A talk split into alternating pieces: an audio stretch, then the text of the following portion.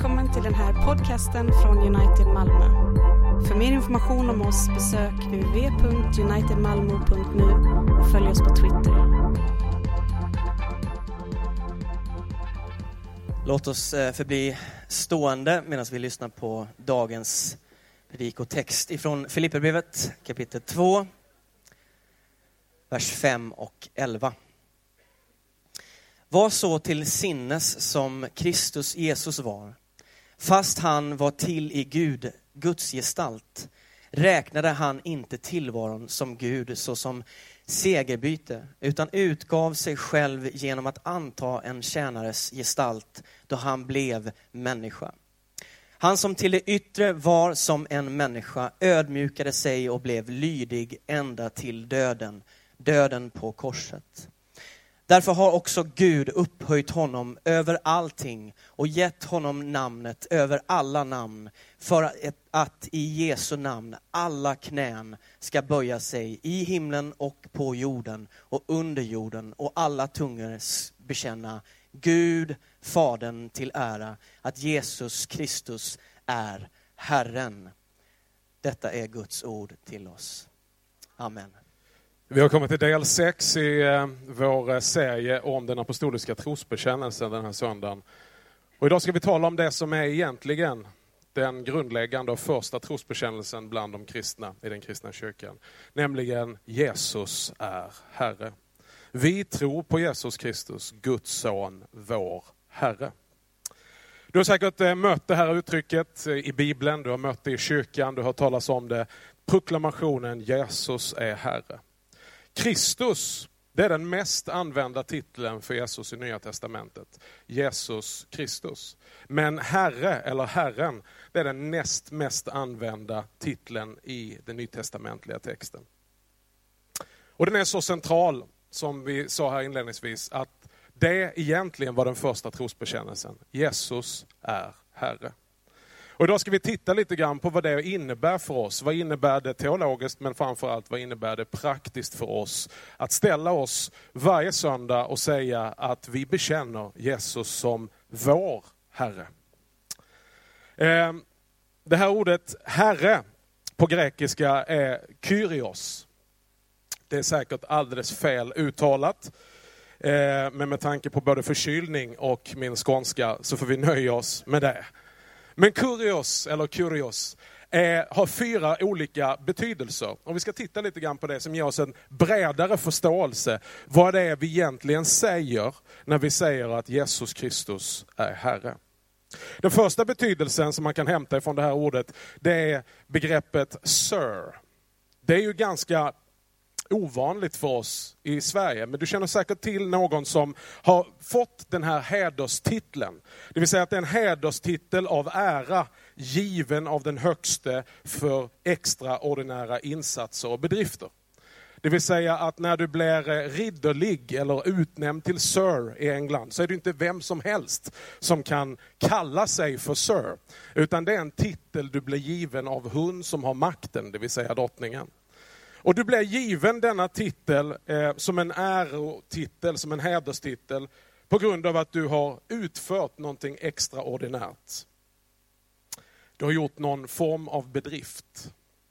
Den andra betydelsen, vi kan eh, länka detta till en synonym till det här ordet, det är mästare. Mästarnas mästare, det är vi vana vid här i Sverige. Då kopplar vi direkt in på idrottens spår. Mästare är den som har vunnit mest. Den som har sprungit fortast, den som har hoppat högst. Men i Nya Testamentets kontext så är mästare titeln för någon som är mäktig och äger tjänare. Ja, faktiskt slavar. Problemet är att när vi säger slavar idag, 2014, så kanske vi ser någonting annat än den bilden som Nya Testamentet har, som är mer eh, stämmer bättre överens som tjänare. Det vill säga en mästare, det är någon som har köpt till sig tjänare, människor som han äger och som han tar hand om. Vi tänker ju direkt på trafficking och slavhandel och tycker det är fruktansvärt. Och, och klart är det fruktansvärt, men i det här sammanhanget så handlar det också om ett ganska drägligt förhållande. Där man också står inte bara ansvarig för att utföra sysslor, utan man står också under beskydd, man står också under eh, proviant och man blir omhändertagen på olika sätt och vis när man är en tjänare. Men en mästare är den som egentligen har tjänarens öde i sina händer. Tjänaren kan inte ta vilka beslut han, han eller hon vill, utan hon tillhör, han tillhör mästaren. Och en sådan betydelse finns det av ordet Herre. En tredje betydelse, och nu börjar vi mer närma oss, det är betydelsen regent. Det vill säga en titel för den absolut högsta politiska auktoriteten och positionen. Det var vanligt på Nya Testamentets tid att tala om att Caesar var herre. Att kejsaren var herre. Eh, den här regenten som eh, Caesar var, han hade den absolut högsta auktoriteten i hela romarriket. Hela riket eh, var under hans makt, hans inflytande, hans beslut och så som kejsaren bestämde, så gick det med hela riket. Det fjärde som vi kan hitta i ordet Herre, det är just ordet Herren. Det vill säga en titel, inte för en regent, inte för en vanlig mästare, inte för en vanlig eh, bedrift, utan det som är titeln för Israels Gud. Den allsmäktige Jehova Adonai. Han är Herre. Han är Herren. Och han är Herre allsmäktig över allt skapat. Detta var tilltalsnamnet, så som Herren Gud själv presenterar sig till Israels folk. Han beskriver sig själv som Herren. Jag är Herren. Och det är så man tilltalar honom med detta namn Herren. Och sen så kallas även Kristus för Herren, det vill säga han är Gud. Han är inte bara en, en, en, en Guds tjänare, han är inte eh, någonting annat, utan han med denna titel, när vi säger Jesus är Herre, så säger vi Jesus är Gud. Det talade vi om förra söndagen. Om vi går tillbaka och tittar på de här titlarna så stämmer det väldigt bra överens med Jesus Kristus. Han har fått denna titeln för att det är en hederstitel för hans extraordinära insatser och bedrifter. Han är given denna titel, han har inte tagit sig denna titel, utan han är given denna titel av Gud Fadern själv, skaparen av himmel och jord. Vi såg det, såg det i dagens text att Gud har gett honom det namn som är över alla andra namn. På grund av att han har varit lydig, lydig, lydig intill döden på ett kors. Han har ödmjukat sig. Han har avstått att ta rättigheterna som tillhör honom och istället gett sig själv för oss. Han är en mästare för att han är den rättmätige ägaren av alla tjänare. Du och jag, vi tycker det här studsar ju naturligtvis. 2014, det är ju helt fel koncept liksom, att tala om mästare och slavar. För vi vill ju vara de friaste av de fria. Och vi tänker så här att absolut frihet uppnås när man inte är bunden av någon. Problemet är att vi har aldrig varit fria. Och sann frihet kommer inte i den formen som vi tänker oss frihet, det vill säga fullständigt oberoende och självbestämmande bortom allt annat. För att även om du och jag kan uppleva oss fria så är vi inte fria. Vi läste här i början Paulus ord som säger, det jag vill, det gör jag inte. Och det jag inte vill, det gör jag. Bibeln beskriver dig och mig som syndens slavar. Så det är inte så här som man tänker att ja, men det är det jag alltid har sagt, religion det är förtryck. Religion handlar om att komma under Guds rådande och Guds beslut. Och det handlar om lydnad och underkasta sig religiösa regler. Och så målar vi upp att vara utan Gud, det är som att vara helt fri och vi inte behöver ta hänsyn till någonting annat. Men sanningen om oss är att ingen av oss är fria. Ingen av oss är fria att göra precis så som vi vill. Ibland så tänker vi att den ultimata friheten är att kunna säga ja till allting. Men faktum är att den ultimata friheten är också att ibland kunna säga nej. Att inte behöva, att kunna avstå. Att kunna avstå den friheten som erbjuds. Att kunna avstå att följa våra begär, men vi kan inte det eftersom vi är redan slavar. Men vad Jesus har gjort och som har gjort honom till mästare och till vår mästare, det är att han har köpt oss fri från slaveriet under synden. Och vi har funnit den sanna friheten genom att bli slavar till honom. Och då säger hur kan, det, hur kan det finnas en frihet att vara slav till Kristus? Jo, vi ska titta på vilken typ av Herre han är senare. Men det tredje stämmer också med honom att han är en regent. Han har fått den högsta auktoriteten och positionen, inte i romarriket, inte i den Europeiska unionen, inte i Vita huset, utan i kosmos. I allting skapat. Han är universums herre. Han är regent. Och vad han bestämmer, så blir det. Det är bra att ha connect, eh, connections in high places, säger han. Det är bra att känna någon i kommunalrådet eller i stadshuset. Det är ofta så man får till saker. Folk som sitter i en position av auktoritet. Hur tryggt är det inte då att vara kopplad till honom som regerar allt? Han som är regenternas regent. Han som är konungarnas konung. Han som är herrarnas herre. Och det är han för att han är Gud, Jehova Adonai. Jesus Kristus är Guds son.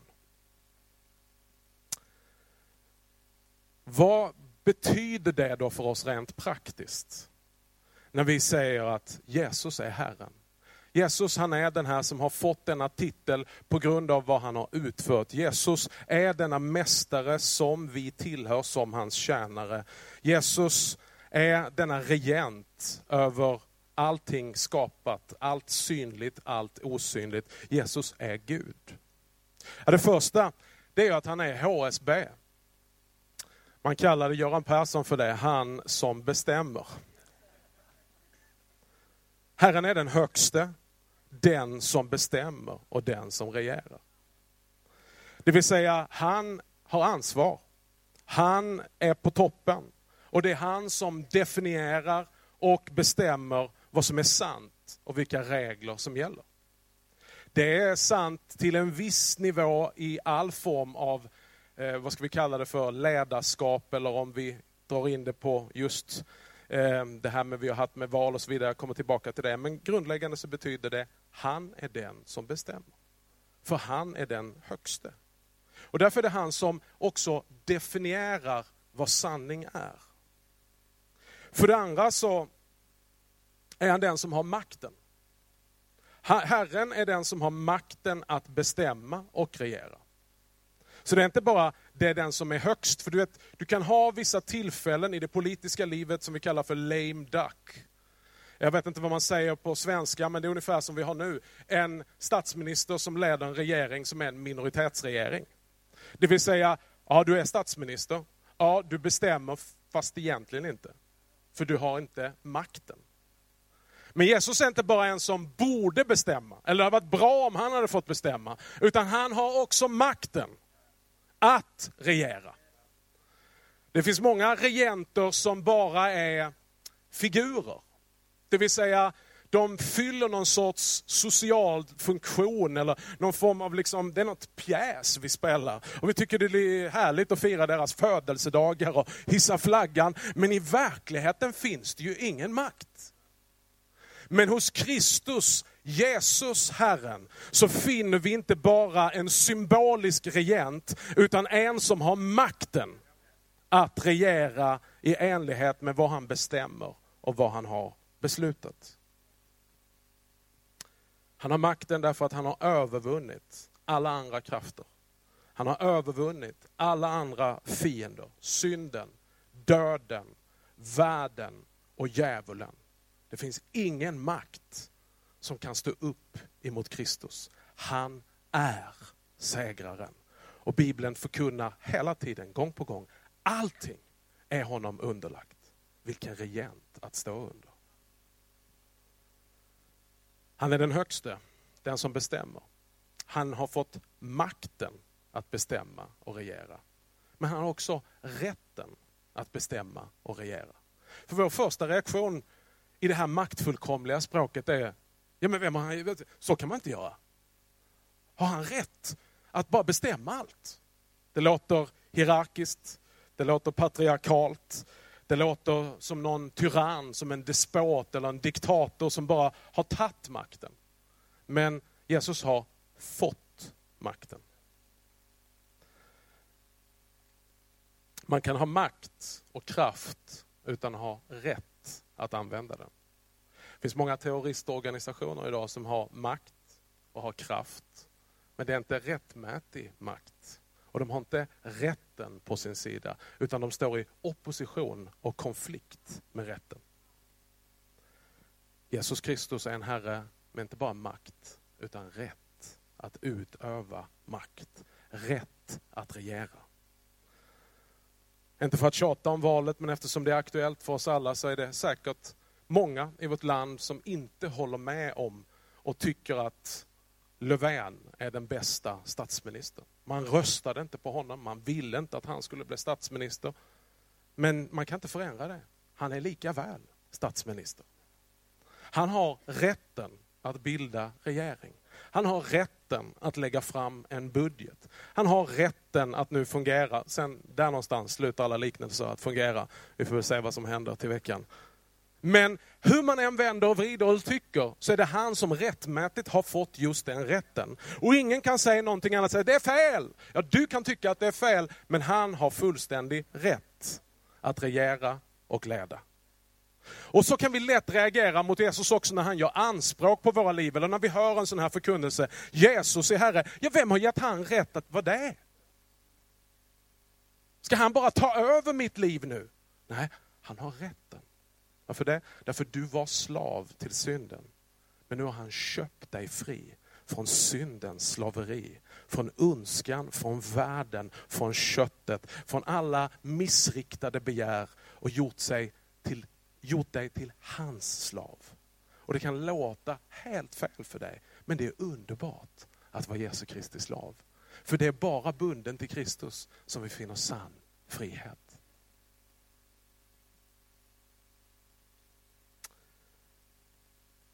Men vi är besatta i den här världen av att vara autonoma, det vill säga helt frigjorda från all form av auktoritet och ordning.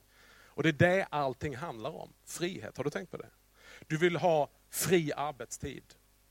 Du vill ha liksom helt gränslös eh, eh, eh, eh ekonomi, så att du är befriad ekonomiskt. Du, du vill befria dig ifrån eh, ålderns och kroppens utveckling. Vi vill liksom gå in och kontrollera den också. Nu börjar allt hänga. Nej, inte på mig. Vi vill liksom gå in och ta auktoritet över döden. Vi vill gå in och ta auktoritet över allting, för vi kan inte stå under, utan vi vill vara autonoma. Och vi tror att ultimat lycka, det är helt och hållet självbestämmande. Därför är det omöjligt att predika detta och det ska liksom förväntas landa. Så vad va, va fint. Det är precis vad jag längtar efter. Ja, det är faktiskt det. Vi längtar alla efter en Herre som kan leda oss. En Herre som kan regera oss. En Herre som är den högste och som den som verkligen bestämmer. Och jag tror att vi alla tillsammans med Pontus Pilatus, vi säger till Kristus, vad är sanning? Hjälp mig att förstå sanningen. Men också en Herre som har makten och en Herre som har rätten. Men vi är vana att bestämma själva. Du och jag, vi tränas varje dag att göra miljoner val. Om det så handlar om att välja frukostflingor, om det handlar om att välja eh, på frukostbuffén, om det handlar om att välja... Allt ska väljas. Det är jämt massa val. Det är inte bara val var fjärde år, utan varje vecka får vi någonting i posten som säger, nu ska du välja det här. Nu ska du välja, ska du ha en sån eller en sån? Nu ska du välja internet, nu kan du välja det här. Och vi måste liksom välja. Och vi är vana, vilket är en, vilket är en valfrihet som vi verkligen man, månar om, att vi har möjligheten att påverka våra egna liv. Men det här naturligtvis ligger djupare, det här upproriska, rebelliska i oss. Eftersom vi har vant oss vid att själva bestämma vem som regerar och leder oss. Vi vill bestämma. För att vi innerst inne vill vara vår egen Herre. När vi talar om synd i kyrkan, så ofrånkomligt så hamnar du och jag i omoraliska tankar. Vi tänker på omoral, men roten för all synd handlar inte om omoral, utan det handlar om oberoende. Det handlar om att vara sin egen herre. Djävulens frestelse, ormens frestelse till Eva var inte så att nu kan du liksom gå omkring, nu kan du börja röka. Utan det var, du kan bli som Gud. Det vill säga, du kan bli din egen herre. Detta är tilltalande för varje människa. Varför? Därför vi grundläggande alltid litar mer på oss själva, våra egna val, än på Gud. Otro är att inte lita på att det blir bäst om Gud får bestämma. Ja, när jag säger det så här så hörs, hör, du hör ju. Ja, fast, så tänker man så. Ja, så tänker jag. Så tänker jag dagligen. Det är inte så att jag inte vet vad Gud vill, utan jag bara tänker, det här kan ju aldrig bli bra om det blir som Gud vill. Jag litar inte på att han kan göra mig lika glad som jag kan göra mig glad. Jag litar inte på att han kan göra mig lika trygg som jag kan göra mig trygg. Jag litar inte på riktigt att han har kontrollen så jag har behov att ha kontrollen. Jag litar inte på att om jag följer honom kommer alla mina behov bli fyllda. Så jag måste själv ta mina egna behov i mina egna händer och fylla mina behov för att, kommer verkligen Gud? För jag har gått på den här första lögnen. Skulle Gud verkligen ha sagt? Vi är rebeller som lever i opposition mot Jesu herravälde. Vi lever i konflikt med honom. Och tänk dig själv eh, hur jobbigt det är när någon rätteligen har fått auktoriteten att leda. Till denna rätt har de fått makten och kraften att leda. Och till detta så är de på en position där de är HSB, de som bestämmer. Men vi har valt att, nej, det tror inte jag på. Och då blir ju livet jobbigt. Det blir väldigt jobbigt att leva i opposition mot den som bestämmer. Och den som har makten att fullgöra det den har bestämt. Och den som har rätten på sin sida. Därför så blir det ett liv i konstant konflikt. Upplever du att ditt liv går motvalls? Upplever du att det krockar? Upplever du att det inte blir som du hade tänkt och att det upplevs som att nästan Gud själv är emot dig? Du upplever rätt min vän. Jesus är Herre, inte du och inte jag. Varför? Därför att vi kan inte definiera vår egen sanning. Vi har inte makt att kontrollera våra egna liv. Tänk så lite du och jag kontrollerar. Och så fort vi känner liksom, nu har vi allting under kontroll, så händer ju alltid någonting som bevisar motsatsen. Och om du lyckas kontrollera dig själv ett litet tag, ja då är det alltid någon annan som vägrar vara under din kontroll. Och som bara ruckar hela maktbalansen. Och det är då du, snap!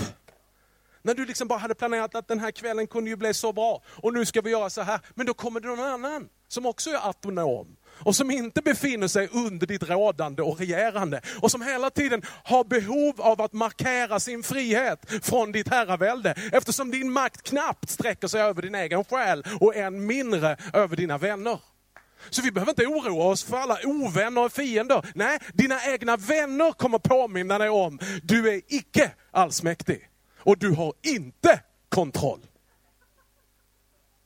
Och när du då blir frustrerad och vill liksom få in allting under dina så kallade allsmäktiga händer, så kommer upproret bara påminna om det upproret som finns i dig. Mot att vara under Jesu Kristi herravälde.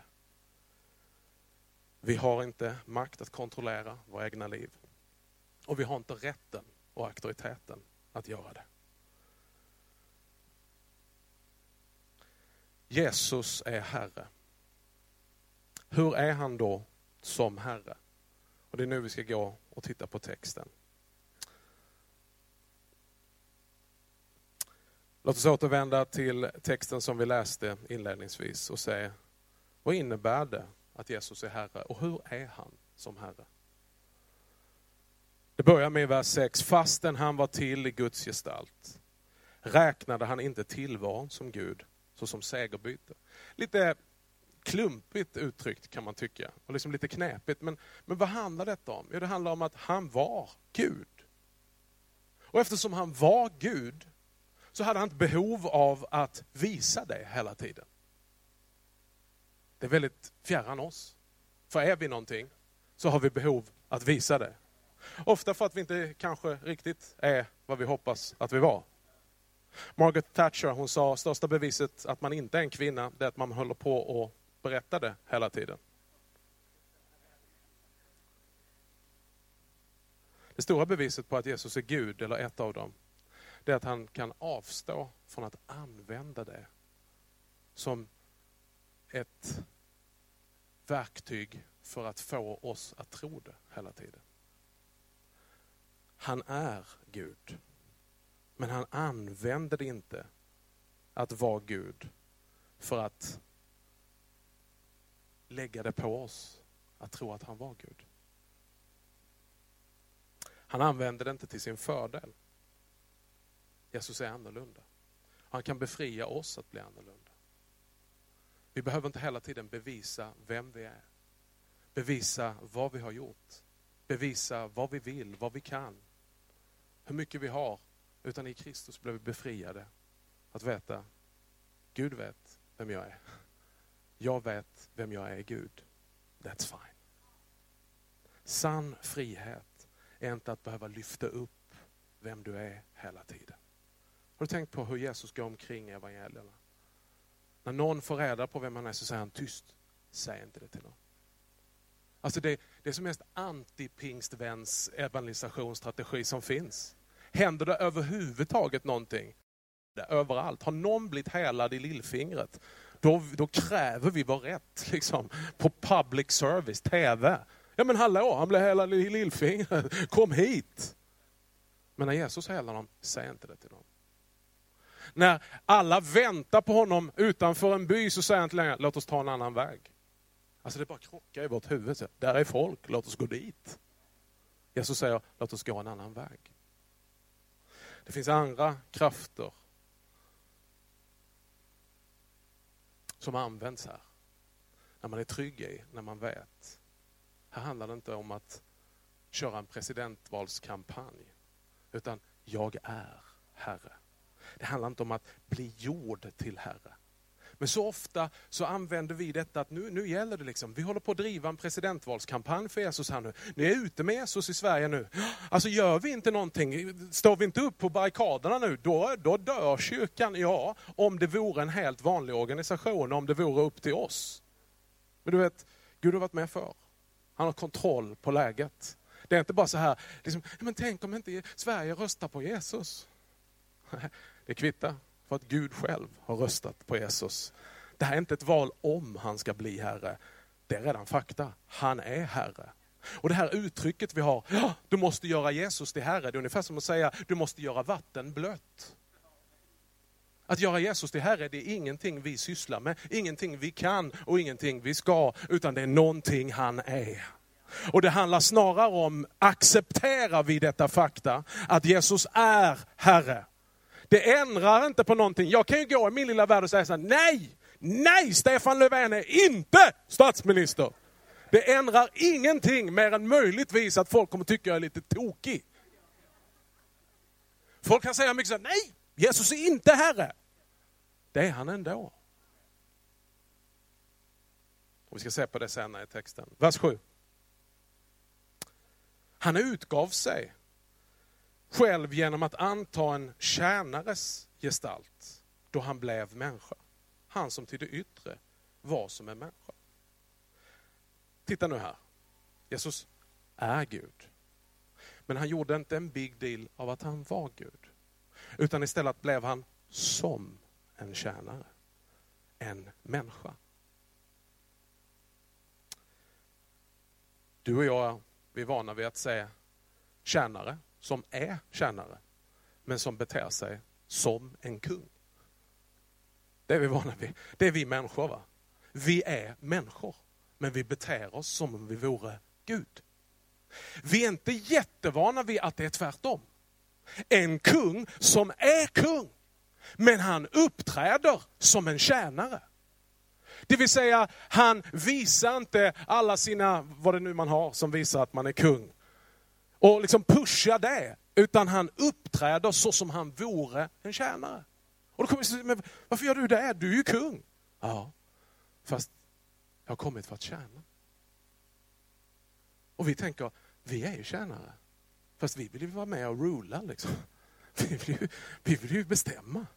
Är det inte det som är framgång?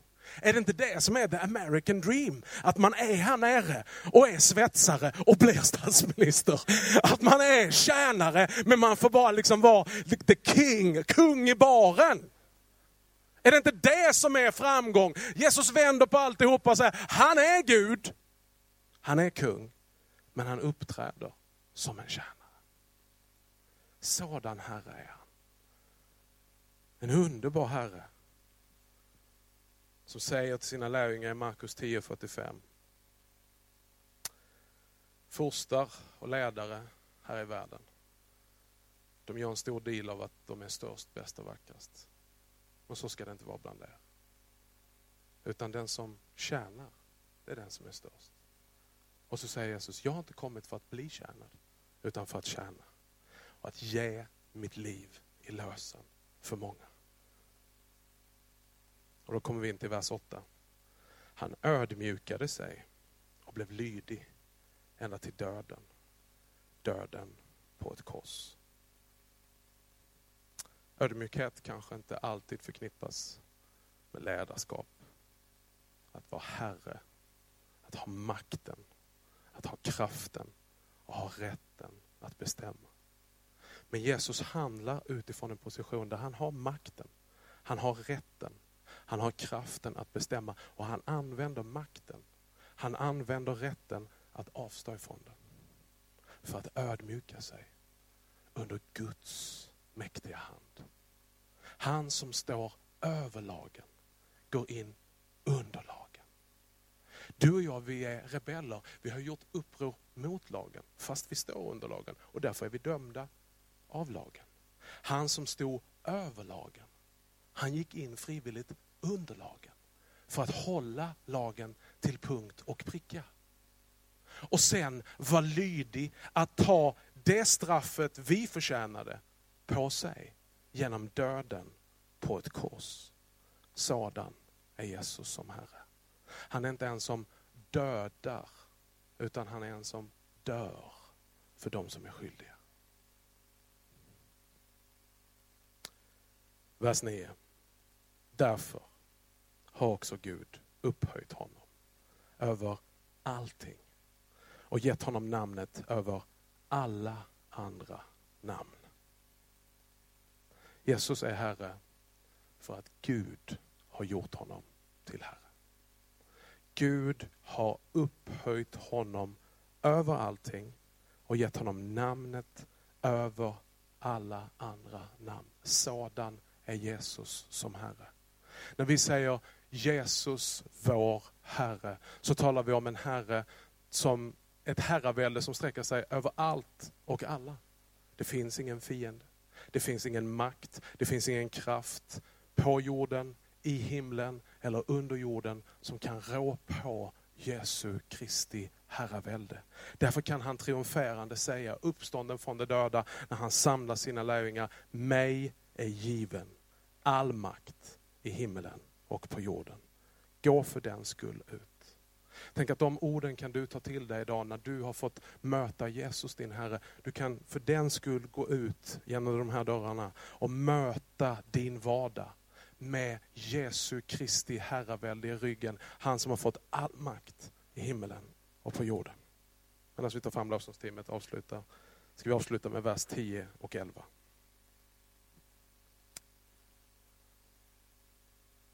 För att i Jesu namn alla knän ska böja sig. I himlen och på jorden och under jorden. Och alla tungor bekänna Gud, Fadern till ära, att Jesus Kristus är Herren. Låt mig avsluta med vad jag kort nämnde innan. Det är inte så intressant här idag att du ska göra Jesus Kristus till Herre. Det är inte en makt du och jag har. Jesus Kristus är Herre. Vad det handlar om det är om vi erkänner honom och bekänner honom som Herre. Ska vi leva i konflikt med Jesus Kristus och hans herravälde? Leva i konflikt med han som verkligen bestämmer. Han som har makten och han som har rätten. Och därför så kommer hela historien att komma till en punkt där varje knä kommer att böjas och varje tunga kommer att bekänna det som är obvious, att Jesus är Herre. Vi leds emot den dagen. Hur den ser ut i den här världen så är vi övertygade om att den dagen är snart här. Då vem man än är tvingas att inse det som har varit faktum. Alltid. I evighet. Sedan den uppstånde uppstod från de döda. Sedan Kristi himmelfärd. Och han satte sig på Faderns högra sida. Och Fadern själv, skaparen av himmel och jorden allsmäktige, gav honom namnet över alla andra.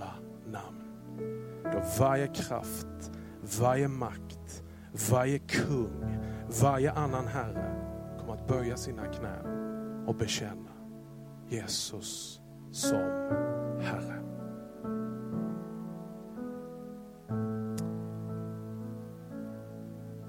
Denna Herre är ingen slitsam Herre att vara en tjänare till. Utan han är en Herre olikt alla andra som ödmjukade sig och tog en tjänares gestalt. Han var lydig intill döden på ett kors. Han är inte en Herre som kör med oss. Han är en Herre som dör för oss. Han är en Herre som är en god herde. Därför finns det ingen större frihet. Därför finns det ingen större frid än att vara under hans herra, herravälde som bestämmer i himmelen och på jorden. Han som har vunnit makten över döden, över synden, över världen och över alla fiender. Han som har makten att se till att det han har bestämt sker och han som har rätten att göra så. Därför så säger vi varje söndag, vi tror på Jesus Kristus, Guds enda son, vår Herre.